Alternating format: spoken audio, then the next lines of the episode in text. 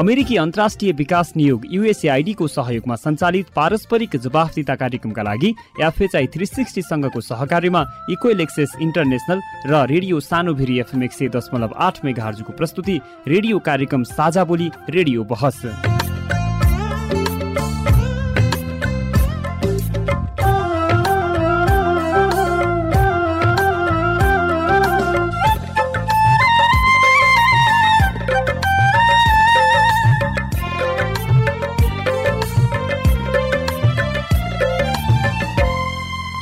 नमस्कार साझाबोली रेडियो बहसमा तपाईँलाई स्वागत छ।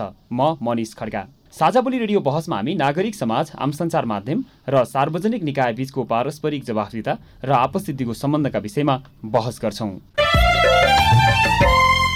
पारस्परिक जवाफदिताका क्षेत्रीय सवाल र परिवेश समेटेर तयार पारिएको साझा बोली रेडियो बहसको यो स्थानीय संस्करण हो। आजको साझा बोली रेडियो सानी फेरि एफएम एक सय दशमलव आठ मेगाहर्जले उत्पादन गरेको हो।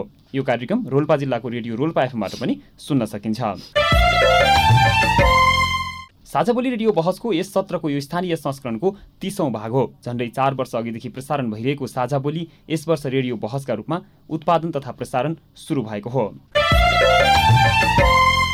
साझा बोली रेडियो बहसको आजको भागमा मतदानको महत्त्व र मतदाताले ध्यान दिनुपर्ने कुरा तथा निर्वाचन लक्षित सुरक्षा व्यवस्थाका विषयमा छलफल गर्दैछौँ। देशभरका सात सय त्रिपन्नवटा स्थानीय तहमा वैशाख तिस गते शुक्रबार स्थानीय तहको निर्वाचन हुँदैछ। पालिका प्रमुख उपप्रमुख अध्यक्ष उपाध्यक्ष वडाध्यक्ष र वडा सदस्यहरू चुन्न देशभरमा एकै दिन निर्वाचन हुन लागेको हो। मतदाता नामावलीमा नाम दर्ता भएका नागरिकहरूले आफ्नो पालिकाका जनप्रतिनिधि चुन्न मतदान गर्दैछन्। निर्वाचनमा मतदानको महत्त्व मतदान गर्दा ध्यान दिनुपर्ने कुराहरू तथा समग्र सुरक्षा व्यवस्था लगायतका विषयमा आज हामी बहस गर्दैछौँ। लाइनमा लागेर मतदाता नामावलीमा आफ्नो नाम रुजु गराउने कर्मचारी रुजु गराएर नङमा चाहिँ मसी लगाएर मतपत्र लिएर गोप्य मतदान कक्षमा चाहिँ जानुपर्ने हुन्छ।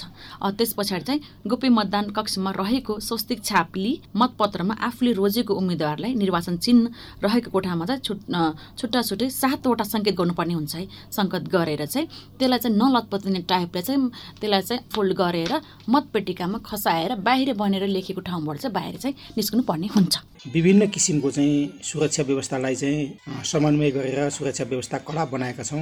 निर्वाचनलाई शान्तिपूर्वक सम्पन्न गर्न र भए रहित वातावरणमा मतदानलाई सुनिश्चित गर्नको लागि यो चारैवटा सुरक्षा निकायलाई समन्वय गरेर सुरक्षाका घेराहरू हामीले तय गरेका छौँ।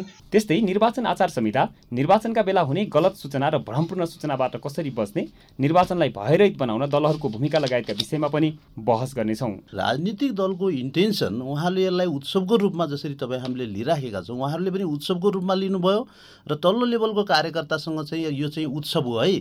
यसलाई यसले चाहिँ हाम्रो लोकतान्त्रिक प्रणाली बलियो बनाउँछ निर्वाचन प्रणाली स्थापित गर्छ भन्ने हिसाबले मेसेज दिनुभयो भने हाम्रो काम कम क्रिएट हुन्छ र सुरक्षा चुनौती कम हुन्छ। यो चाहिँ भयरहित निष्पक्ष तरिकाले चाहिँ यसको व्यवस्थापन हुन्छ।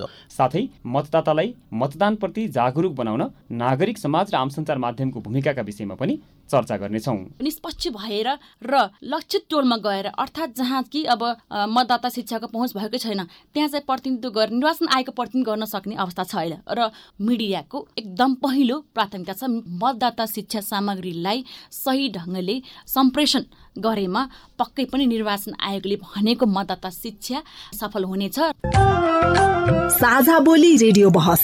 अमेरिकी अन्तर्राष्ट्रिय विकास नियोग युएसएआईडी मार्फत अमेरिकी जनताहरूको सहयोगका कारण सम्भव भएको हो। यस कार्यक्रमभित्रका विषयवस्तु र सामग्री पारस्परिक जवाबदेहिता कार्यक्रमका एकल जिम्मेवारी हुन्। र यहाँ प्रस्तुत भनाइले युएसएआईडी वा अमेरिकी सरकारको विचार प्रतिबिम्बित गर्छन् भन्ने जरुरी छैन। रेडियो कार्यक्रम साझा भोलिमा तपाईँलाई फेरि स्वागत छ। मतदानको महत्त्व र मतदाताले ध्यान दिनुपर्ने कुरा तथा निर्वाचन लक्षित सुरक्षा व्यवस्थाका विषयमा बहस गर्न यतिखेर कार्यक्रममा उपस्थित भइसक्नु भएको छ। रुकुम पश्चिमका प्रहरी प्रमुख प्रहरी नायब उपरीक्षक विष्णु प्रसाद सोती र जिल्ला निर्वाचन कार्यालयका जिल्ला निर्वाचन अधिकारी कुमारी रिमा मल्ल। यहाँहरू दुवैजनालाई रेडियो कार्यक्रम साझा बोलीमा स्वागत छ। धन्यवाद। धन्यवाद। अब हामी विषय प्रवेश गर्छौँ। सुरुमा हामीले रुकुम पश्चिम र रोल्पाका केही नागरिकहरूलाई निर्वाचनको महत्त्व र तपाईँहरू निर्वाचनमा सहभागी हुँदै हुनुहुन्छ भनेर सोधेका छौँ। उहाँहरूको कुरा सुनौ त्यसपछि छलफल सुरु गरौँला। नमस्ते म सबिना रोका माडी गाउँपालिका भाबाङ पाँचदेखि हो। आफूलाई मन परेको मान्छे चुन्नको लागि विकास गर्ने रोजगारहरू शिक्षाहरू हामी सर्वसाधारण जनताहरूको लागि अझै गरिदिनुहुन्छ कि भनेर अब आशा राखेर राम्रो मान्छेलाई अब सक्दोसम्म राम्रो मान्छेलाई नै अब चुन्ने विचार छ नमस्कार मेरो नाम जित कुमारी खर्ती घर मेरो रोल्पा नगरपालिका सात रोल्पा। योग्य नागरिक भइसकेपछि आफ्नो अधिकार होइन आफूले पाउनुपर्ने अधिकारको प्रयोग गर्नको लागि चाहिँ स्थानीय तहको चुनावमा सहभागी भइन्छ। स्थानीय तहको चुनावमा चाहिँ सहभागी अवश्य भन्छु रोजगारीहरू सिर्जना गर्न सक्ने अनि त्यसपछि स्थानीय तहको विकास गर्न सक्ने प्रतिनिधिलाई चुन्नुपर्छ। नमस्कार मेरो नाम सत्यहर खतेरी बाँफोट गाउँपालिका वडा दुई। म अहिलेको चुनावमा सहभागी हुँदैछु। आफ्नो मताधिकार प्रयोग गर्नको लागि चुनावमा सहभागी हुँदैछु। यसपटक मैले आम्नालाई भन्दा पनि राम्रालाई भोट हाल्ने मेरो विचार छ। नमस्कार म रुकुम पश्चिम आर्दिसकोट नगरपालिका बाह्रदेखि गायत्री पुन मगर म आफ्नो मताधिकार प्रयोग गर्न सहभागी हुनुपर्छ भन्ने मूल उद्देश्यका साथ म पनि यसपटकको निर्वाचनमा सहभागी हुँदैछु। यसपटकको निर्वाचनमा स्थानीय तहमा नै विभिन्न किसिमका रोजगारका बाटाहरू पहिल्याउने प्रतिनिधिलाई जिताउन आवश्यक छ। नमस्कार म बलेन्द्र ओली ठेगाना त्रिवेणी गाउँपालिका दुई रुकुम पश्चिम आफ्नो गाउँ समाजमा केही परिवर्तन गर्ने खालको सक्षम व्यक्ति अथवा नेतृत्व चुन्नु छ र पछि गएर जुन चुनेको नेतृत्वले गाउँ समाजमा केही परिवर्तन गर्न सकोस्। नमस्कार मेरो नाम अमित बुढा मगर मेरो घर परिवर्तन गाउँपालिका वडा नम्बर एक कुरेलीमा पर्छ। म यसपटकको निर्वाचनमा सहभागी बन्छु। अहिले मैले छुट्याएँ भने पाँच वर्ष कुर्नुपर्छ। विकास प्रेमी व्यक्तिलाई यसपालि मैले छान्ने सोचेको छु। हामीले केही नागरिकहरूको कुरा चाहिँ प्रतिनिधिमूलक रूपमा सुन्यौँ। अब म निर्वाचन अधिकारीज्यूबाट सुरु गर्न चाहन्छु। नागरिकहरूले भनेका कुराहरूसँग थप जोडेर चाहिँ यो निर्वाचनको महत्त्वबारे चाहिँ दर्शाइदिनु न। हामीद्वारा हाम्रै लागि र हामीले चाहेको व्यक्तिलाई हामी सत्तामा पुर्याउनको लागि हामी यो मतदानमा सहभागी हुँदैछौँ भन्ने हामी मूल समयको नजिक आइपुगेका छौँ। स्थानीय तहको निर्वाचन निर्वाचन भन्न बित्तिकै हामीले सरकारलाई चाहिँ परिवर्तन गर्न सक्ने एउटा माध्यम हो। र हाम्रो यो जनताले अर्थात् मतदाताले योग्य मतदाताले चाहिँ आफूले चाहेको व्यक्तिलाई नै वैशाख तिस गतिको निर्वाचनमा जिताउने प्रयासमा हुनुहुन्छ भन्ने चाहिँ हामी सबैलाई यो निर्वाचनको महत्त्व यो रहने भयो होइन? आफ्ना प्रतिनिधि आफ्ना लागि राम्रो गर्न सक्ने प्रतिनिधि छनौट गर्ने मुख्य उद्देश्य चाहिँ निर्वाचनको रहने भयो। अब आफ्ना लागि मतदाताले चाहिँ राम्रो नेतृत्व चयन गर्नको लागि चाहिँ कसरी सहभागी हुने निर्वाचनमा अनि कसरी मतदान गर्ने भन्ने विषयमा चाहिँ मतदाता शिक्षासँग जोडिएर यहाँहरूले जो मतदाता शिक्षाको कुरा चाहिँ कसरी अगाडि बढाइराख्नु भएको छ? यो सर्वप्रथम मतदाता शिक्षा भनेको योग्य मतदाताहरूले आफ्नो मतदानमा कसरी सहभागी हुने र सदर मत कसरी चाहिँ हाल्ने भन्ने जानकारी पाउनु नै मतदाता शिक्षा हो। विगतमा मतदाता शिक्षाको लागि अब निर्वाचन आयोगले विभिन्न कार्यक्रमहरू गरेको थियो। निशिका निर्वाचन शिक्षा कार्यकर्ता लगायत देशैभरिमा परिचालन गरेको थियो। अहिले अलिकति मोडालिटी निर्वाचन आयोगले चाहिँ अलिकति फरक गरेको छ जस्तै अहिले मतदाता शिक्षाको लागि विशेष गरेर सञ्चार माध्यमलाई प्रयोग गरेको छ। र हामीले देशैभरिमा देशैभरिमा पनि यसको अगाडि बढेको छ। रुकुम पश्चिमको हकमा पनि हाम्रो रहेका स्थानीय एफएमहरू लगायत पत्र पत्रिकाहरूमा चाहिँ हाम्रो निर्वाचन सम्बन्धी मतदाता शिक्षा र आचार संहिताको सम्बन्धमा पनि हामीले प्रकाशन प्रसारण अगाडि बढाइसकेका छौँ। हामीले निर्वाचन आयोगको आधिकारिक website Facebook page Viber YouTube पनि रहेको छ जस माध्यमबाट मतदाता शिक्षालाई चाहिँ अगाडि बढाएको छ र मतदाताहरूलाई चाहिँ मतदानमा सही मतदान गर्ने तरिका र हाम्रो यो निर्वाचनलाई चाहिँ अब सफल पार्नको लागि चाहिँ मतदाता शिक्षालाई अगाडि बढाएको निर्वाचनहरूमा चाहिँ चाहे त्यो स्थानीय तहको निर्वाचन होस् चाहे अन्य तहका निर्वाचन हुन्। निर्वाचन शिक्षा कार्यकर्ता भनेर परिचालन हुन्थे होइन तर यो पटक त्यस्तो भएन होइन। त्यसले पनि मतदाता शिक्षालाई अलिकति जति पढ्नु पर्थ्यो त्यति पढ्न नसकेको हो कि? अथवा त्यो ग्यापलाई चाहिँ कसरी चाहिँ यहाँहरूले परिपूर्ति गर्दै हुनुहुन्छ? हामी देश सामाजिक सञ्जालमा व्यस्त व्यस्त बढी भइसकेका छौँ। नेपालीहरू अब प्रत्येकसँग चाहिँ मोबाइल छ। सबैले चाहिँ फेसबुक युज गर्नुहुन्छ। फाइबर युट्युबहरू हेर्नुहुन्छ। यो हाम्रो पत्र पत्रिका मानौँ अरू भन्दा पनि उहाँ सामाजिक सञ्जालमा अभ्यस्त भएको हुनाले हुनाले हामीलाई के लाग्छ भन्दाखेरि सामाजिक सञ्जालको प्रयोग गर्दाखेरि सञ्चार माध्यमको प्रयोग गर्दाखेरि अझ इफेक्टिभ हुन्छ होला। अब यो भन्दै गर्दाखेरि कहीँ फेरि नेटवर्कको समस्या हुने ठाउँमा होइन यो सामाजिक सञ्जालको पहुँच नपुगेको ठाउँमा चाहिँ त्यो ठाउँका मतदाताहरूलाई चाहिँ फेरि कसरी मतदानबारे चाहिँ जानकारी गराउने होइन अब भोलि चाहिँ मतदानमा सहभागी भइहाल्नु भयो भने उहाँको मत बदर हुने सङ्ख्यालाई कसरी कम गर्ने भन्ने एउटा चुनौती. रह्यो होइन त्यस्तो अवस्थामा चाहिँ के गर्दै हुनुहुन्छ तपाईँले एकदम ठिक भन्नुभयो। हामीले चाहिँ यो सामाजिक सञ्जालको प्रयोग गर्दा गर्नेको फाइदा पनि छ र त्यसको कमजोरी पनि छ। जस्तो नेटवर्कको समस्या भयो के गर्ने? अब त्यस्तो अवस्थामा हामीले यो सामाजिक सञ्जाल यो सञ्चार मिडिया बाहेक पनि निर्वाचन आयोगले के गर्दैछ भन्दाखेरि अब सबै पालिकामा निर्वाचन अधिकृतको कार्यालय मुख्य निर्वाचन अधिकृत कार्यालय हाम्रो जिल्लास्थित भिडभाड हुने सेवाग्राहीको एकदम चाप हुने कार्यालयहरूमा हामीले मतदाता शिक्षा सम्बन्धी तिन प्रकारका ब्रोसरहरू पठाइसकेका छौँ। त्यस माध्यमबाट पनि हामीले मतदातालाई कसरी चाहिँ मतदान गर्ने मतदान केन्द्रमा कसरी पहुँच राख्ने विभिन्न कुराहरू राखेका छौँ र त्यो सँगसँगै पनि निर्वाचन आयोगले अहिलेसम्मको निर्णय बमोजिम वैशाखको तिस गते मतदान हुनेछ र उन्तिस र तिस गते उन्तिस र तिस गते प्रत्येक मतदान स्थलको म पहिलो मतदान केन्द्रमा निर्वाचन सूचना कक्ष चाहिँ राख्ने व्यवस्था गरेको छ। त्यसमा चाहिँ अब मतदाताले मतपत्रमा कसरी चाहिँ मत सङ्केत गर्ने स्वस्तिक चिन्ह लाउने कसरी त्यसलाई चाहिँ लत लतपन्ने गरी चाहिँ त्यसलाई चाहिँ कसरी फोल्ड गर्ने र त्यसलाई चाहिँ कसरी मतपेटिकामा राख्ने भने चाहिँ एउटा चाहिँ मतदाता शिक्षाकै यो मेन पाटो भएको त्यो राखेको छ। अब यो वैशाख उन्तिस र तिस गते भनेको छ। अझै पनि अलिकति तिस गते नगर्ने कि भन्ने कुरो चाहिँ छलफल अगाडि बढेको छ। तर चाहिँ हुन चाहिँ हुन्छ वैशाख उन्तिस तिस अब नभए अठाइस उन्तिस हुन्छ निर्णय चाहिँ अझ हुँदैछ। अहिलेसम्मको लागि निर्णय वैशाख उन्तिस र तिस। मतदान केन्द्रहरूबाट मतदान केन्द्रमै मतदाताहरूले निर्वाचनसँग सम्बन्धित कुराहरू जानकारी पाउनुहुन्छ होइन? हस् थप छलफल म एकछिनमा गर्छु। म अब डेस्टापको जान्छु। निर्वाचन भन्ने बित्तिकै अलिकति सुरक्षासँग जोडिएको कुरा पनि भयो होइन? अब विभिन्न दलहरू निर्वाचनमा उम्मिदै गर्दाखेरि अब हुनसक्ने विभिन्न सम्भावित सुरक्षा थ्रेटलाई चाहिँ कम गर्नुको लागि अब सुरक्षा निकायले यति बेला हमेमे पनि परिराखेको अवस्था हुन्छ। अब जिल्लाको सन्दर्भलाई हेरेर निर्वाचनलाई स्वच्छ भयरहित वातावरणमा चाहिँ सफल बनाउनको लागि जिल्लामा सुरक्षा व्यवस्थाको प्रबन्ध चाहिँ कसरी गरिएको छ? जहाँसम्म निर्वाचन सुरक्षाको कुरा छ निर्वाचन सुरक्षा एउटा चाहिँ अन्य सुरक्षा जस्तै सामान्य चिज हो जस्तो हामी कुनै महोत्सवको सुरक्षा गर्छौँ मेलाको सुरक्षा गर्छौँ प्राकृतिक प्रकोपको अवस्थाको सुरक्षा गर्छौँ। त्यो सुरक्षा जस्तै एक प्रकारको सुरक्षा कन्टेन्ट हो निर्वाचन सुरक्षा अब यसमा चाहिँ अरू सुरक्षाभन्दा यो सुरक्षा चाहिँ के मानेमा चाहिँ भिन्न छ त भन्दाखेरि यसमा पोलिटिकल इन्टेन्सन राजनीतिक मनसाय चाहिँ जोडिएको हुन्छ अब यसको सुरक्षा चुनौती कम गर्ने वा बढी गर्ने भन्ने कुरा राजनीतिक इन्टेन्टमा चाहिँ डिपेन्ड हुने राजनीतिक कुरा। दलहरूसँग छ। राजनीतिक दलहरूसँग जोडियो जस्तो यहाँहरूले मेला पर्वको सुरक्षा अन्य सुरक्षामा गर्दाखेरि चाहिँ त्यो राजनीतिक दलहरूसँग जोडेन। यो एउटा महोत्सवको हुँदैन अवश्य पनि होइन?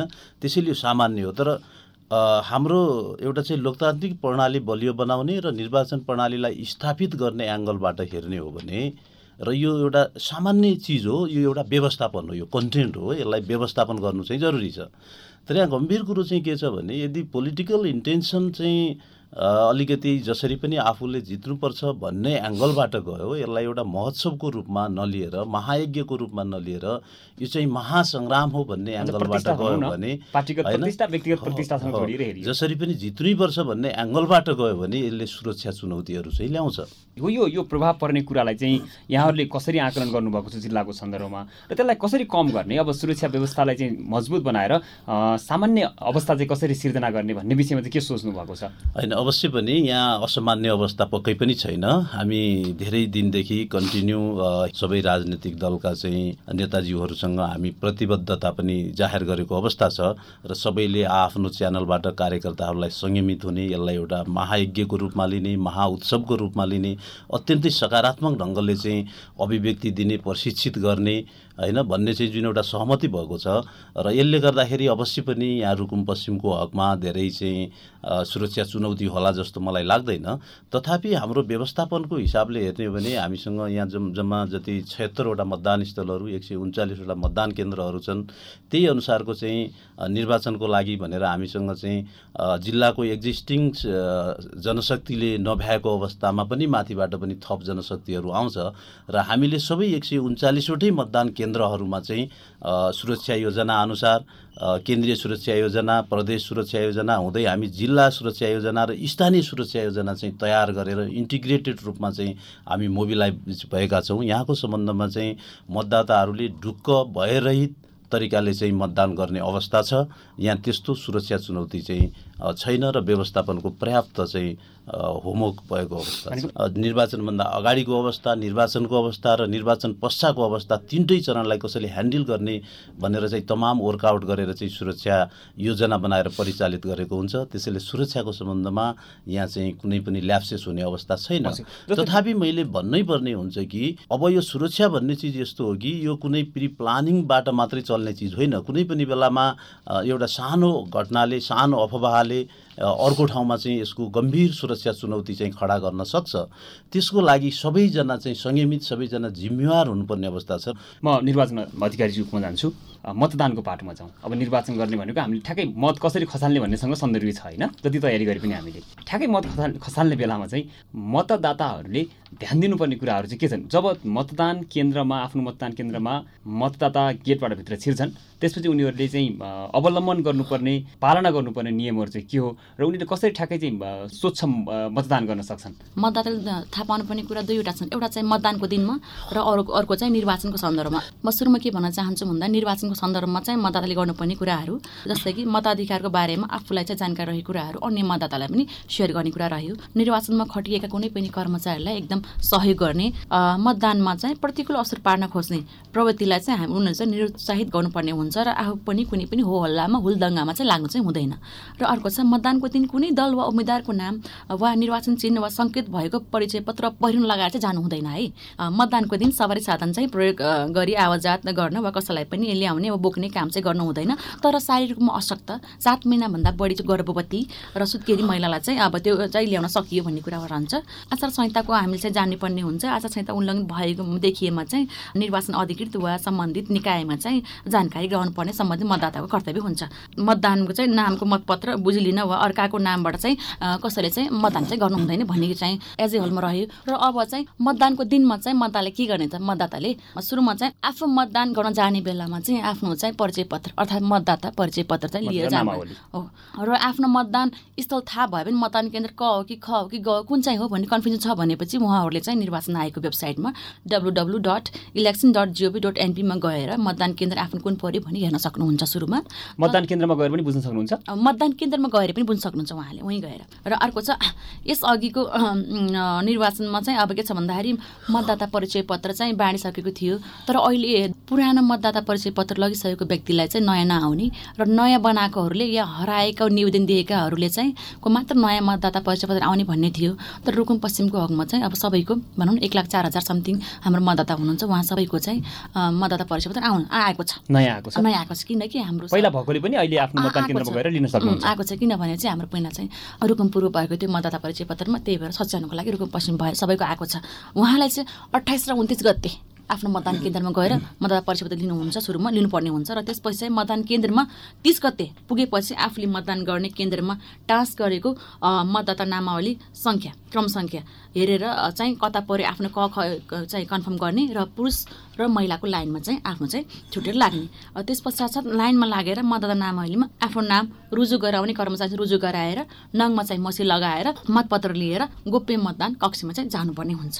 त्यस पछाडि चाहिँ गोप्य मतदान कक्षमा रहेको स्वस्तिक छाप लिई मतपत्रमा आफूले रोजेको उम्मेद्वारलाई निर्वाचन चिन्ह रहेको कोठामा चाहिँ छुट छुट्टा छुट्टै सातवटा सङ्केत गर्नुपर्ने हुन्छ है। सङ्केत गरेर चाहिँ त्यसलाई चाहिँ नलतपत्रिने टाइपले चाहिँ त्यसलाई चाहिँ फोल्ड गरेर मतपेटिकामा खसाएर बाहिर बनेर लेखेको ठाउँबाट चाहिँ बाहिर चाहिँ निस्कनु पर्ने हुन्छ। अब कस्तो अवस्थामा चाहिँ मत हामीले गरेको मत मतपत्रमा राख्दाखेरि बदर हुन्छ भन्ने अवस्था पनि रहेका छन्। सम्बन्धित मतदान मतदान अधिकृतले दस्तखत नभएकै हामीले मतपत्रमा चाहिँ स्वस्ति छाप लायौँ भने पनि हाम्रो मतदान चाहिँ मतपत्र बदर हुन्छ। र अर्को के छ भन्दाखेरि औँठा छाप लगाए स्वस्ति छाप नलगाएर कसैले औँठा छाप लाउनुहुन्छ त्यो गरे पनि मतपत्र चाहिँ बदर हुने भयो। र त्यस्तै गरेर मत सङ्केत पनि चिन्ह नबुझ्ने गरी या फेरि च्याटिएमा या लतपतिएमा चाहिँ मत चाहिँ मतपत्र चाहिँ बदर हुन्छ। र अर्को चाहिँ उम्मेद्वारको निर्वाचन चिन्ह रहेको कोठामा मत सङ्केत नगरी अन्यत्र मत सङ्केत जहाँ कि निर्वाचन चिन्ह नै छैन। त्यहाँ गरिदियो पनि चाहिँ बद मत चाहिँ बदर हुन्छ। र निर्वाचित गर्नुपर्ने सङ्ख्याभन्दा बढी उम्मेद्वारहरूको निर्वाचन चिन्ह भएको कोठामा छुट्टै मत सङ्केत गरियोमा चाहिँ मत बदर हुनुहुन्छ। र त्यसै गरी मत सङ्केत नगरी मतगणना अधिकृतलाई चाहिँ फिर्ता दिएमा पनि मत बदर हुन्छ। र त्यसै गरी आयोगद्वारा निर्धारित मतपत्र बाहेक अन्य मतपत्रमा चाहिँ त्यो स्वस्तिक छाप लगाए पनि मत बदर हुनेछ हुन्छ। र त्यसै गरी मतपेटिका भन्दा बाहिर राखेर चाहिँ ऊ चाहिँ छोडेर मतपेटिकामा चाहिँ आफूले मतदान गरेको मतपत्र नराखेर बाहिर छोड्यो पनि मत मत चाहिँ बदर हुन्छ। र त्यसै गरेर अब भनौँ झुटा जाली मतपत्र राखेमा चाहिँ मत बदर हुन्छ। यी चाहिँ हाम्रा मत बदर हुने कन्डिसन रहे। अब हामी रोल्पामा सुरक्षा व्यवस्थाको कुरा चाहिँ कसरी मिलाइएको छ? यसबारेमा रोल्पाका प्रमुख जिल्ला अधिकारी नवराज सापकोटासँग हाम्रो रोल्पाकी सामुदायिक सञ्चारकर्मी स्मृति रोकामगरले छोटो कुराकानी गर्नुभएको छ। त्यो कुराकानी सुन्छौँ त्यसपछि हामी थप छलफल अगाडि बढाउँला।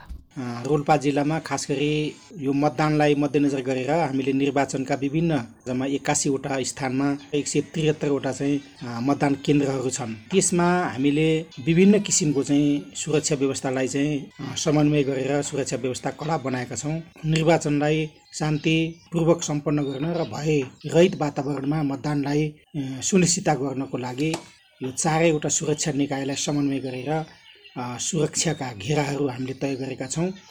यसको सुरुमा यो मतपेटिका रहेको ठाउँमा हामीले नेपाल प्रहरी र म्यादी प्रहरीलाई खटाउनेछौँ र त्योभन्दा बाहिरी घेरामा हामीले सशस्त्र प्रहरी र सशस्त्र प्रहरीभन्दा पनि बाहिरी घेरामा हामीले नेपाली सेनालाई नदेखिने गरी इन्भिजिबल रूपमा नेपाली सेनालाई परिचालन गर्ने हामीले बन्दोबस्त गरेका छौँ। सशस्त्र प्रहरी बल र नेपाल प्रहरीलाई चाहिँ पट्रोलिङको व्यवस्था पनि गरेका छौँ र चुनावको दिन विभिन्न ठाउँको अनुगमन गर्नको लागि एउटा पालिकामा ती तिनजनाको ती तिनवटा ग्रुप चाहिँ सशस्त्र प्रहरीकोले चाहिँ मोबाइल ग्रुपमा चाहिँ घुम्ने व्यवस्था मिलाएका छौँ। त्यसै गरी म प्रमुख जिल्ला अधिकारीको कमान्ड पोस्टमा यो सुरक्षा घुम्ती सुरक्षा टोलीको पनि व्यवस्था हामीले गरेका छौँ र रोल्पा जिल्लाभित्र राजपत्राङ्कित द्वितीय श्रेणीको अफिसरलाई राखेर त्यसमा यथोचित मात्रामा सुरक्षा कर्मचारीहरूलाई राखेर हामीले दुईवटा घुम्ती टोलीको पनि हामीले व्यवस्था गरेको हुनाले यो आसन्न निर्वाचनको सन्दर्भमा हामीले कडा सुरक्षा व्यवस्था मिलाएका छौँ। रोल्पा जिल्लामा क्रियाशील सम्पूर्ण राजनीतिक दलका प्रमुखहरूलाई पनि आचार संहितालाई पूर्ण रूपमा पालना गर्ने त्यसमा कोण सभा गर्ने जुलुस गर्ने लगायतका सवारी साधनहरू प्रयोग गर्ने सञ्चार माध्यमहरूमा चाहिँ विज्ञापनहरू गर्ने मौन अवधिमा चाहिँ पालना गर्नुपर्ने आचरण संहिता र स्वयं चुनावको दिनमा निर्वाचनको दिनमा पनि राजनैतिक दलका कार्यकर्ताहरूले पालना गर्नुपर्ने आचरणको सन्दर्भमा चाहिने उहाँहरूलाई चाहिँ अवगत गराएर र उहाँहरूलाई चाहिँ लिखित रूपमा चाहिँ कमिटमेन्ट गराएर रहेको अवस्थाले वैशाख तिस गतिको चुनाव चाहिँ भइरहित र सम्पन्न हुन्छ भन्ने चाहिँ हामीले आशा लिएको छौँ। तपाईँ अहिले पारस्परिक जवाफदिता प्रवर्धनका लागि साझा बोली रेडियो बहस सुन्दै हुनुहुन्छ। हामी कुरा गरिरहेका छौँ मतदानको महत्त्व र मतदाताले ध्यान दिनुपर्ने कुराहरूका विषयमा साथै निर्वाचन लक्षित सुरक्षा व्यवस्थाका विषयमा पनि केन्द्रित रहेर संवाद गरिरहेका छौँ। हामीसँग हुनुहुन्छ रुकुम पश्चिमका प्रहरी प्रमुख प्रहरी नायब परीक्षक विष्णु प्रसाद सोती र जिल्ला निर्वाचन कार्यालय रुकुम पश्चिमका जिल्ला निर्वाचन अधिकारी कुमारी रिमा मल्ल यतिन्जेल हामीले निर्वाचनको महत्त्व मतदान गर्दा ध्यान दिनुपर्ने कुराहरू सुरक्षा व्यवस्था लगायतका विषयमा छलफल गरेका छौँ। अझै हामी निर्वाचन आचार संहिता र यसको उल्लङ्घन भए हुने कारवाही निर्वाचनलाई भयरहित बनाउन दलहरूको भूमिका लगायतका विषयमा बहस गर्नेछौँ। हामीसँगै रहनुहोला। ए यता सुन्नुहोस् यता। कता? सुनिरहेको छु त। कान थापेरै सुन्नुहोस् है। यसपालिको स्थानीय तह चुनावमा सात पदका लागि एउटै मतपत्र हुन्छ। मतपत्रमा हरेक पदका लागि ठाडो लहरमा चिन्हहरू हुन्छन् र सातवटा ठाडो लहर मध्ये हरेक ठाडो लहरको एउटा एउटा चिन्हमा छाप लगाउनुपर्छ। मतलब सात ठाउँमा? हो त नि। एकजना पालिका प्रमुख अर्को उपप्रमुख अनि एकजना वडा अध्यक्ष र चारजना वडा सदस्य सात पदका लागि सात भोट दिनुपर्छ। बिग्रेला भन्ने पो डर। किन बिग्रिन्थ्यो? हरेक पदका लागि आफूले भोट दिने उम्मेद्वारको चिन्ह भएको कोठामा छाप लगाउने त हो नि। बरु विचार गर्नुपर्ने कुरा चुनाव चिन्ह भएको कोठामा एकपटक मात्रै छाप लगाउने। भनेको सात पदका लागि एउटै मतपत्रमा प्रत्येक पदका लागि हरेक ठाडो लहरको चुनाव चिन्ह मध्ये एउटा एउटामा मात्रै छाप लाउने है। हो सात पदका लागि सात छाप छुट्टा छुट्टै ठाडो लहरका चिन्ह मध्ये एउटामा। र अर्को कुरा चुनाव चिन्ह भएकोदेखि बाहेक अर्को कोठामा छाप वा मसी लाग्नुहुन्न है। ल यति कुरा त बुझियो। अनि मतपत्र पट्याएर तोकिएको बाकसमा खसाउँदा पनि विचार गर्नुपर्छ। मसी नलतपत्तियोस् र पछि मतगणना गर्न गाह्रो नहोस्। पारस्परिक जवाबदेहिताका लागि स्वतन्त्र र निष्पक्ष स्थानीय चुनाव। रेडियो कार्यक्रम साझा बोलीमा मतदानको महत्त्व र मतदाताले ध्यान दिनुपर्ने कुराहरूका विषयमा बहस गरिरहेका छौँ। हामीसँग हुनुहुन्छ रुकुम पश्चिमका प्रहरी प्रमुख प्रहरी नायब उपरीक्षक विष्णुप्रसाद सोती र जिल्ला निर्वाचन कार्यालय रुकुम पश्चिमका जिल्ला निर्वाचन अधिकारी कुमारी रिमा मल्ल। अब हामी निर्वाचन आचार संहिता र यसको उल्लङ्घन भए हुने कारवाही लगायतका विषयमा छलफल गर्न गइरहेका छौँ। हामीले केही व्यक्तिहरूलाई निर्वाचन आचार संहिताका बारेमा थाहा छ भनेर सोधेका छौँ। उहाँहरूको कुरा सुन्छौँ। त्यसपछि थप छलफल अगाडि बढाउँला। म कुलबहादुर नागी रोल्पा नगरपालिका दुई। जस्तै ब्यानरको कुरा झन्डाको कुरा यिनी चिजहरू र अरू तडक भडकको कुराहरू चाहिँ भइराखेको छ। र प्रचार प्रसारको कुरा गर्दाखेरि र झन्डा राख्ने कुराहरूमा सार्वजनिक स्थलहरूलाई ती झन्डाहरू नराख्ने अथवा ब्यानरहरू नराख्ने भनिए तापनि राखिएको हामीले सूचनाहरू पाएका छौँ। नमस्कार म श्याम बहादुर बुढा मगर जलजला बहुमुखी क्याम्पस लिबाङ रोल्पाको उपप्राध्यापक। सार्वजनिक स्रोत साधनको प्रयोग चाहिँ कुनै पनि राजनीतिक दलको उम्मेद्वारको पक्ष र विपक्षमा हुने गरी गर्नु हुँदैन शैक्षिक क्षेत्र लगायतका क्षेत्रहरूमा भेला प्रचार प्रसार लगायतका कामहरू गर्नु हुँदैन। राजनीतिक दल र उम्मेद्वारको निर्वाचन चिन्ह अङ्कित कुनै पनि किसिमको पहिरनहरू गर्न पाइँदैन। मेरो नाम थानेश्वर केसी मुसिकोट नगरपालिका पाँच सेरी गाउँ। अठार वर्ष नपुगेका बालबालिकाहरूले निर्वाचनमा सहभागी हुन वा विभिन्न किसिमका प्रचार प्रसारमा लाग्न पाइँदैन।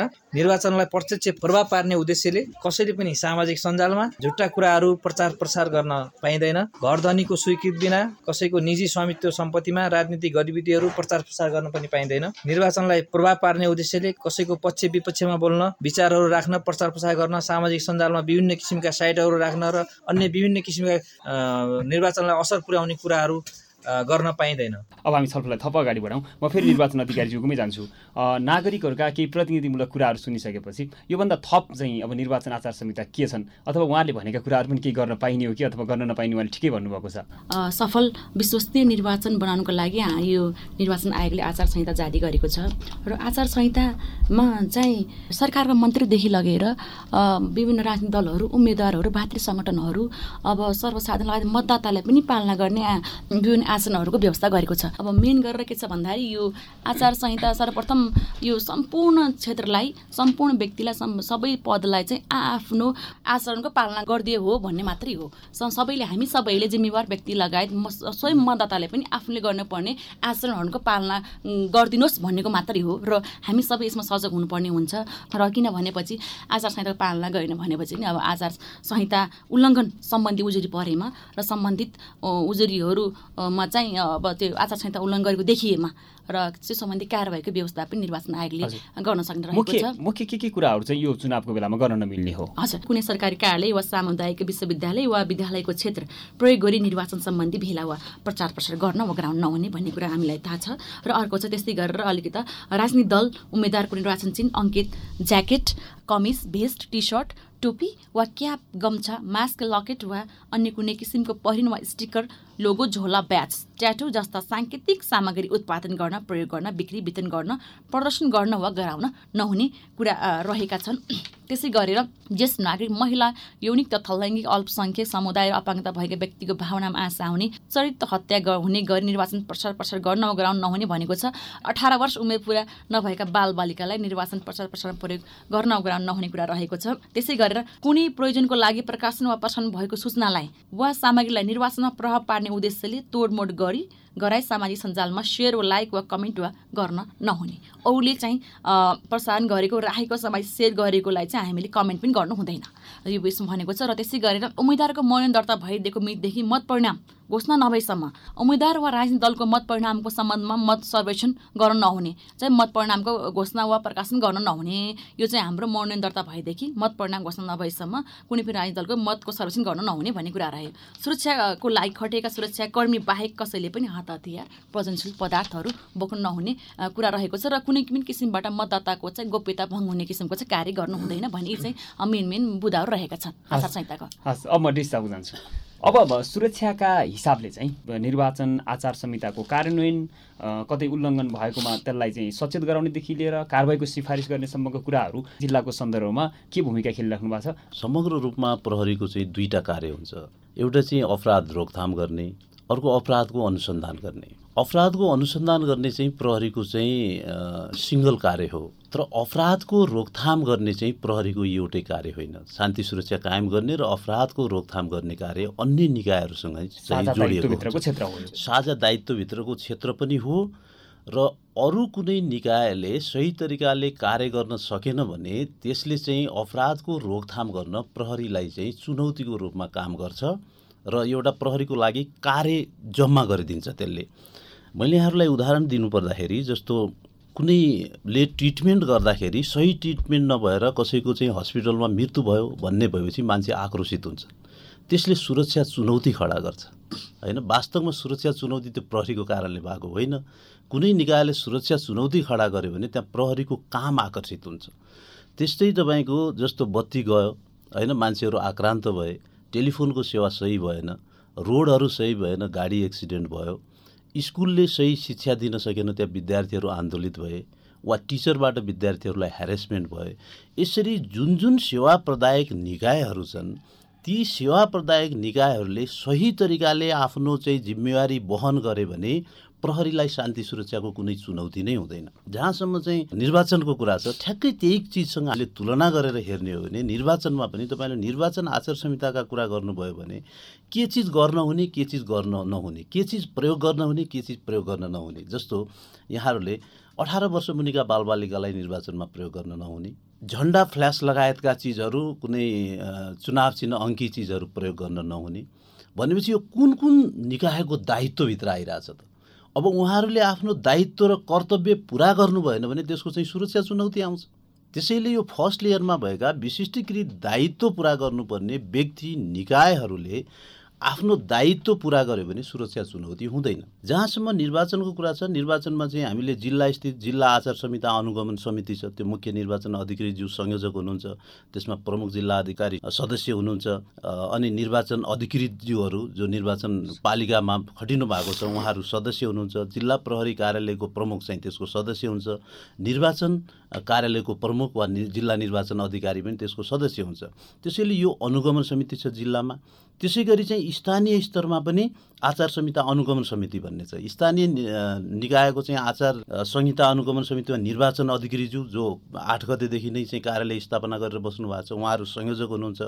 प्रमुख प्रशासकीय अधिकारीज्यू चाहिँ सदस्य हुनुहुन्छ। त्यहाँ सम्बन्धित निकायको प्रहरी प्रमुख हाम्रो जुन लोकल युनिट छ त्यहाँ त्यहाँको प्रहरी प्रमुख चाहिँ सदस्य हुन्छ र सहायक निर्वाचन अधिकारी चाहिँ सदस्य सचिव हुन्छ यसरी विभिन्न लेयरमा केन्द्र हुँदै स्थानीय तहसम्म चाहिँ यो आचार संहिता अनुगमन गर्ने समितिहरू हुन्छ होइन? अब यो समितिमा कसैले निर्वाचन समिति आचार संहिता उल्लङ्घन गर्यो भने यो समितिमा चाहिँ विभिन्न माध्यमबाट सूचनाहरू आउँछ होइन? र त्यसको अल्टिमेटली कार्यान्वयन त प्रहरीले पनि प्रहरीले नै गर्ने हो। तर मैले यहाँ भन्न खोजेको विभिन्न लेयरमा रहेको होइन? त्यो निकायहरूले यो चिजलाई चाहिँ एड्रेस गरेर प्रहरीको कामलाई बोझलाई र प्रहरी परिचालित हुने कुरालाई चाहिँ यसले कम वा बढी गर्ने अवस्थाहरू चाहिँ अब यसमा। दलहरूको भूमिका दायित्व चाहिँ के देख्नुहुन्छ? सुरक्षाको आँखाबाट हेर्दाखेरि। राजनीतिक दलको इन्टेन्सन उहाँले यसलाई उत्सवको रूपमा जसरी तपाईँ हामीले लिइराखेका छौँ उहाँहरूले पनि उत्सवको रूपमा लिनुभयो र तल्लो लेभलको कार्यकर्तासँग चाहिँ यो चाहिँ उत्सव हो है। यसलाई यसले चाहिँ हाम्रो लोकतान्त्रिक प्रणाली बलियो बनाउँछ निर्वाचन प्रणाली स्थापित गर्छ। भन्ने हिसाबले मेसेज दिनुभयो भने हाम्रो काम कम क्रिएट हुन्छ र सुरक्षा चुनौती कम हुन्छ। यो चाहिँ भयरहित निष्पक्ष तरिकाले चाहिँ यसको व्यवस्थापन हुन्छ अब निर्वाचन आचार संहिताहरू कहीँ कतै उल्लङ्घन भएको पाइयो भने चाहिँ अब कसरी उजुरी गर्ने अथवा कहाँ कहाँ उजुरी गर्न सक्छन् नागरिकहरूले? जिल्लामा जिल्ला आचार संहिता अनुगमन समिति छ स्थानीय स्तरमा चाहिँ स्थानीय तह आचार संहिता अनुगमन समिति छ त्यसैले कसैलाई निर्वाचन आचार संहिता उल्लङ्घन भयो भन्ने लाग्यो भने त्यो समितिलाई उहाँहरूले चाहिँ जानकारी गराउनु नभए अझ केही भइहाल्यो भने मान्छे सुरुमा सम्झिने प्रहरीलाई हो। यहाँहरूमा पनि सिधै आयो भने त्यो कुराहरूले यहाँले हेर्नुहुन्छ। हामीले अवश्य पनि हेर्छौँ तर सबैले बुझ्नुपर्ने कुरा के छ भने हरेक चिजमा अन्तिम रिसोर्टको रूपमा प्रयोग गर्नुपर्ने प्रहरीलाई पहिलो रिसोर्टको रूपमा प्रयोग गरियो भने त्यसले समाजमा धेरै कुरामा चाहिँ अव्यवस्था सिर्जना गर्ने अवस्था रहन्छ। कसैले आचार संहिता उल्लङ्घन गरेको लागेमा कुनै पनि माध्यमबाट उहाँहरूले जानकारी गराउनु पर्यो र त्यो समितिले चाहिँ यसमा चाहिँ रोक्ने कारवाही गर्ने नियमन गर्ने र भोलि चाहिँ उम्मेदवारी खारेजीसम्मको व्यवस्था गर्ने चाहिँ त्यो समितिलाई चाहिँ अधिकार छ। त्यसैले त्यो समितिलाई चाहिँ जानकारी गराउनु पर्यो त्यो समितिमा चाहिँ उजुरी दिनु पर्यो। अब यो निर्वाचनको बेलामा अपवाह फैलाउने कुरा चाहिँ एकदमै धेरै देखिन्छ होइन? जस्तो केही कुराहरू भएकै सूचनालाई पनि तोडमोड गरेर फरक तरिकाले प्रसारण गर्ने अथवा प्रकाशन गर्ने अथवा चाहिँ जानकारी गराउने। र अर्को कुरा चाहिँ नभएकै कुरालाई पनि हो कि क्या हो भन्ने जस्तै चाहिँ सूचना प्रवाह गर्ने। यो गलत सूचना र भ्रामक सूचनाहरूलाई चाहिँ अगाडि ल्याउने कुराहरू यो चुनावको बेलामा धेरै देखिन्छ। अब यस्तो बेलामा चाहिँ नागरिकहरू अथवा मतदाताहरू चाहिँ यो सूचना सही सूचनाबाट चाहिँ कसरी विमुख हुन सक्छन् र उनीहरू कसरी चाहिँ सही रूपमा आफूलाई चाहिँ उनीहरूले यो सूचना गलत हो अथवा यो सूचनालाई मैले यसरी बुझ्नुपर्छ भनेर चाहिँ ध्यान दिने? अवश्य साह्रै राम्रो र गम्भीर क्वेसन यहाँले सोध्नुभयो। यो निर्वाचनको अवस्थामा अझ यो बढी हुन्छ। अरू बेलामा पनि यो सूचनालाई तोडमोड गर्ने भ्रामक सूचना फैलाउने हुन्छ भने यो निर्वाचन यस्तो अवस्थामा अझ बढी हुन्छ।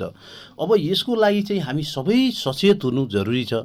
जस्तो त्यो सूचना कसरी सम्प्रेषण गरिरहेको छ? यदि त्यो सूचना मिडियाबाट चाहिँ सम्प्रेषण भइराखेको अवस्था छ भने मिडियाकर्मीहरू चाहिँ जिम्मेवार हुनु पऱ्यो होइन उहाँहरूले पनि त्यसको त्यसको गाम्भीर्यता के हो र यो सही हो कि होइन भनेर छुट्याउनु पऱ्यो त्यस्तै यो कुनै व्यक्तिले अभिव्यक्त गरेर कुनै सभामा कुनै हलमा यस्तो चिज फैलाइराखेको छ भने उहाँहरू पनि त्यो ठाउँमा जिम्मेवार हुनु पऱ्यो कतिपय हामीलाई नै मिसइन्फर्मेसन आउँछ। त्यसैले सबै तहका नागरिकदेखि अघि नै चाहिँ यो आचार संहिताको कुरामा हेर्नुभयो भने एउटा मन्त्रीदेखि एउटा सामान्य नागरिकको पनि कर्तव्य र दायित्वका कुराहरू चाहिँ आचार संहितामा जोडेका छन्। त्यसैले यसमा हामी सबै जिम्मेवार हुनुपर्ने चाहिँ अवस्था चाहिँ छ।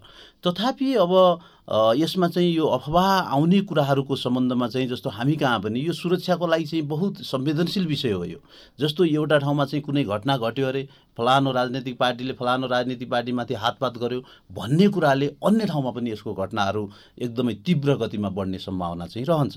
त्यसैले यसको लागि पहिलो कुरा त सबै जिम्मेवार हुनु पऱ्यो हामी सुरक्षा निकायको हैसियतले हामीले पनि हाम्रो सूक्ष्म रूपमा हामीले चाहिँ यस्तो अफवाह फैलाउने निकायहरू व्यक्तिहरू को बारेमा चाहिँ हामीले आफ्नो सूत्र चाहिँ परिचालन गरेका हुन्छौँ र त्यसरी मिसकम्युनिकेसन डिसकम्युनिकेसन जुन चाहिँ स्क्याटर गर्ने फैलाउने छ त्यसलाई पनि कानुनी रूपमा कारवाही गर्ने चाहिँ मेकानिजम छ।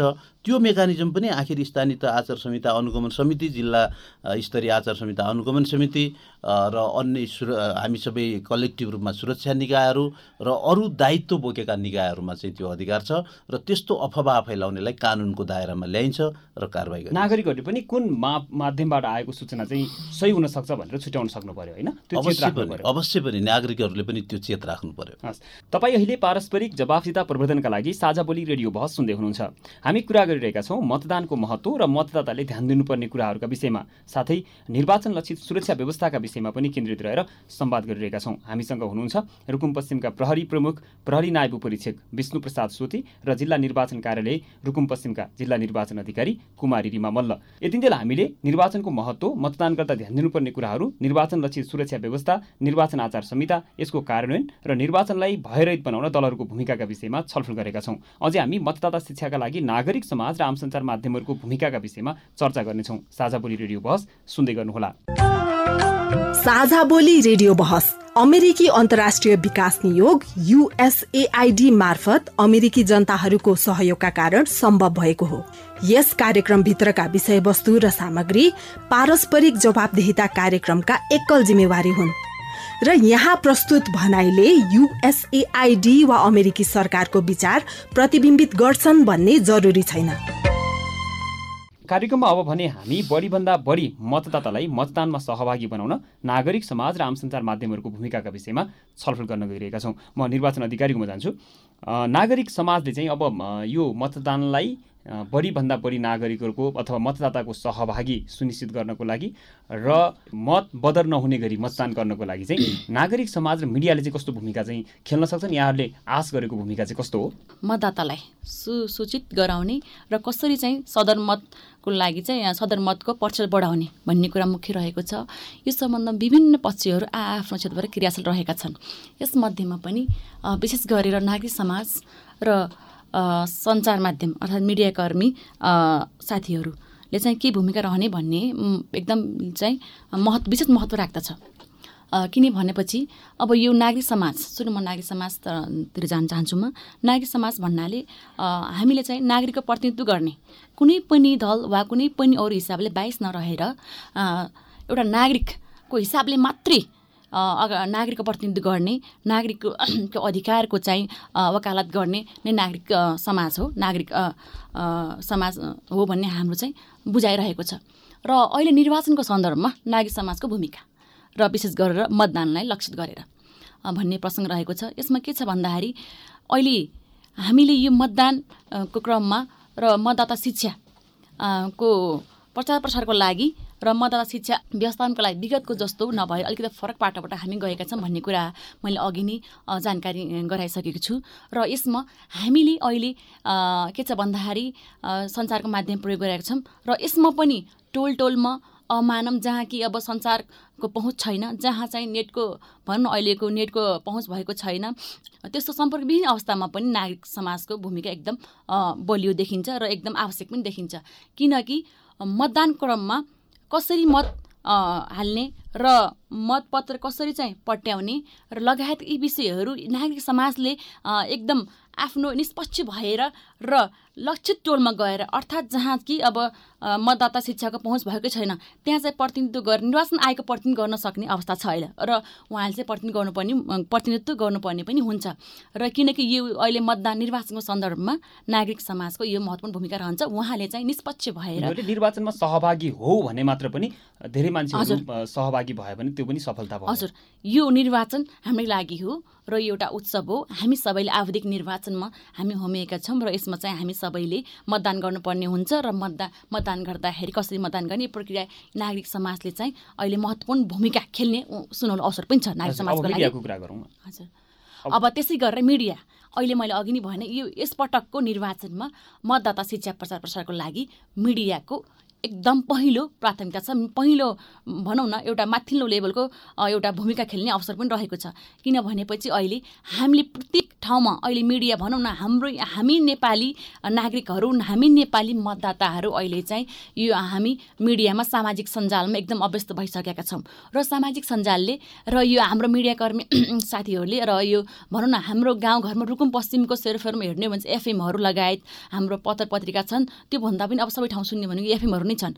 र यीमा चाहिँ हाम हाम निर्वाचन आयोगले तयार गरेको मतदाता शिक्षा सामग्रीलाई सही ढङ्गले र तोकेको तोकेको समयमा र उसले चाहिँ निर्माण गरेको मतदाता शिक्षा प्रसार प्रसारका सामग्रीहरूलाई सम्प्रेषण गरेमा पक्कै पनि निर्वाचन आयोगले भनेको मतदाता शिक्षा चाहिँ सफल हुनेछ र सम्बन्धित मतदाताले सही मतदान गर्ने प्रक्रियाहरू सञ्चार जगतबाट पनि उहाँले मतदाता शिक्षा चाहिँ लिन सक्ने एउटा सुनौलो अवसर पनि रहेको छ र यस किसिमले यो सञ्चार जगतको यो मतदाता शिक्षामा चाहिँ अहिले एकदम सुनौलो र पहिलो प्राथमिकता उहाँको भूमिका रहेको छ। अब सुरक्षाका हिसाबले चाहिँ नागरिक समाज र मिडियाले चाहिँ कस्तो भूमिका खेलोस् भन्ने चाहिँ सुरक्षा निकायको चाहिँ चाहना हुन्छ। चाहना छ अहिले चाहिँ। र हाम्रो चाहना के छ भन्दाखेरि नागरिक समाज र मिडिया सबैभन्दा महत्त्वपूर्ण निकाय हुन् अहिले। र नागरिक समाजले पनि निर्वाचन सम्बन्धी आचार संहितामा नागरिकहरूको पनि दायित्व छ। र नागरिक समाजले त्यो सबै नागरिकहरूलाई सुसूचित गर्ने काम चाहिँ गर्न सक्नुभयो बुझाउन सक्नुभयो भने उहाँहरूबाट पनि त्यो आचार संहिता चाहिँ पालना हुन्छ र उहाँहरूले आफूले पनि पालना गर्नुहुन्छ अरूलाई पनि पालना गर्न चाहिँ सिकाउनुहुन्छ। र मिडिया त अब यति महत्त्वपूर्ण चिज छ अहिले होइन? जस्तो हरेक मान्छेले चाहिँ कुनै न कुनै रूपमा चाहिँ मिडियाको चाहिँ प्रयोग गरिरहेका हुन्छन् चाहे त्यो सोसियल मिडियाको रूपमा होस् चाहे त्यो अन्य प्रिन्ट मिडिया होस् चाहे इलेक्ट्रोनिक मिडिया होस् त्योबाट सूचना लिइराखेको अवस्था हुन्छ। झन् अहिले निर्वाचनमा त सबै कुराहरू चाहिँ मतदाता शिक्षादेखि सबै कुराहरू मिडियाबाट चाहिँ कन्भे गर्ने भन्ने जुन चाहिँ निर्वाचन आयोगकै जुन कार्यशैली छ त्यसले गर्दाखेरि यो धेरै नै महत्त्वपूर्ण कुरा छ। र यसमा यहाँहरूले अघि नै हामीले कुरा गरे जस्तो कुनै पनि सूचनाहरू सम्प्रेषण हुँदाखेरि अत्यन्तै चाहिँ सही सूचना चाहिँ जाओस् र नागरिकहरूले पनि सूचनालाई चाहिँ केलाएर सही चिजलाई चाहिँ एक्सेप्ट गर्ने चाहिँ अवस्था रहोस्। र यसको साथसाथै म अन्य सेवा प्रदायक निकायहरूलाई पनि के आग्रह गर्न चाहन्छु भने निर्वाचनको समयमा अन्य सेवा प्रदायक निकायको कारणले पनि सुरक्षा चुनौती खडा हुने अवस्थाहरू रहन्छ। ती सेवा प्रदायक निकायहरूले पनि यो बेलामा अरू बेलाभन्दा त्यो शक्ति सञ्चित गरेर चाहिँ निर्वाचनमा चाहिँ त्यसको सही प्रयोग गर्न चाहिँ सहयोग हो जस्तो विद्युत टेलिकम सडक लगायतका कुराहरूमा चाहिँ त्यो अवस्था चाहिँ उहाँहरूले मेन्टेन गर्न सकुन् भन्ने मेरो चाहिँ हाम्रो सुरक्षा निकायको चाहिँ अपेक्षा रहन्छ हस्। आजको यो हाम्रो बहसमा यो छलफलमा सहभागी भइदिनु भएकोमा यहाँ दुवैजनालाई धेरै धेरै धन्यवाद। जिल्ला प्रहरी कार्यालय रुकुम पश्चिम र मेरो व्यक्तिगत तर्फबाट धेरै धेरै धन्यवाद। हार्दिक धन्यवाद।